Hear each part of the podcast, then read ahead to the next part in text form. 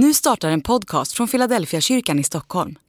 Om du vill komma i kontakt med oss, skriv gärna ett mejl till hejfiladelfiakyrkan.se. Dag 58 Världens synder Johannes evangeliet kapitel 1, vers 29.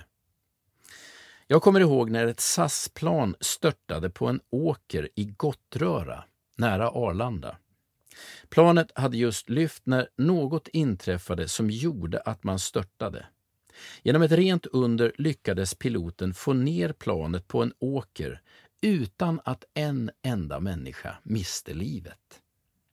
Han hade sinnesnärvaro nog att låta planet skära rakt igenom trädtopparna för att minska farten innan man tog mark och flygplanskroppen klövs i tre delar.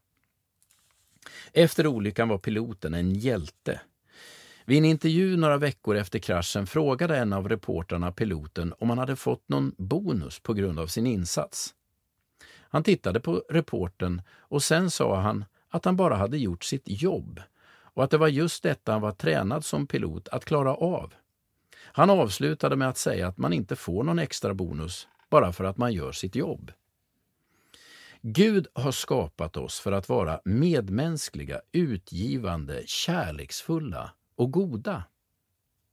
När människor är mänskliga är det inget som Gud belönar. Det är bara vårt jobb. Problemet med oss människor är inte vår godhet, den är vi skapade för. Problemet är vår ondska och själviskhet. När Bibeln pekar ut hela världen som syndig så är det inte för att smart, svartmåla eller snedvrida. Alla människor är kapabla till godhet, omtanke och osjälviska handlingar. Men problemet för oss människor är vår omänsklighet.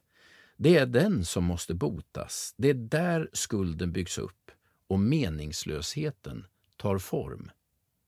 Andlig övning. Tacka Gud för all godhet och mänsklighet som finns överallt.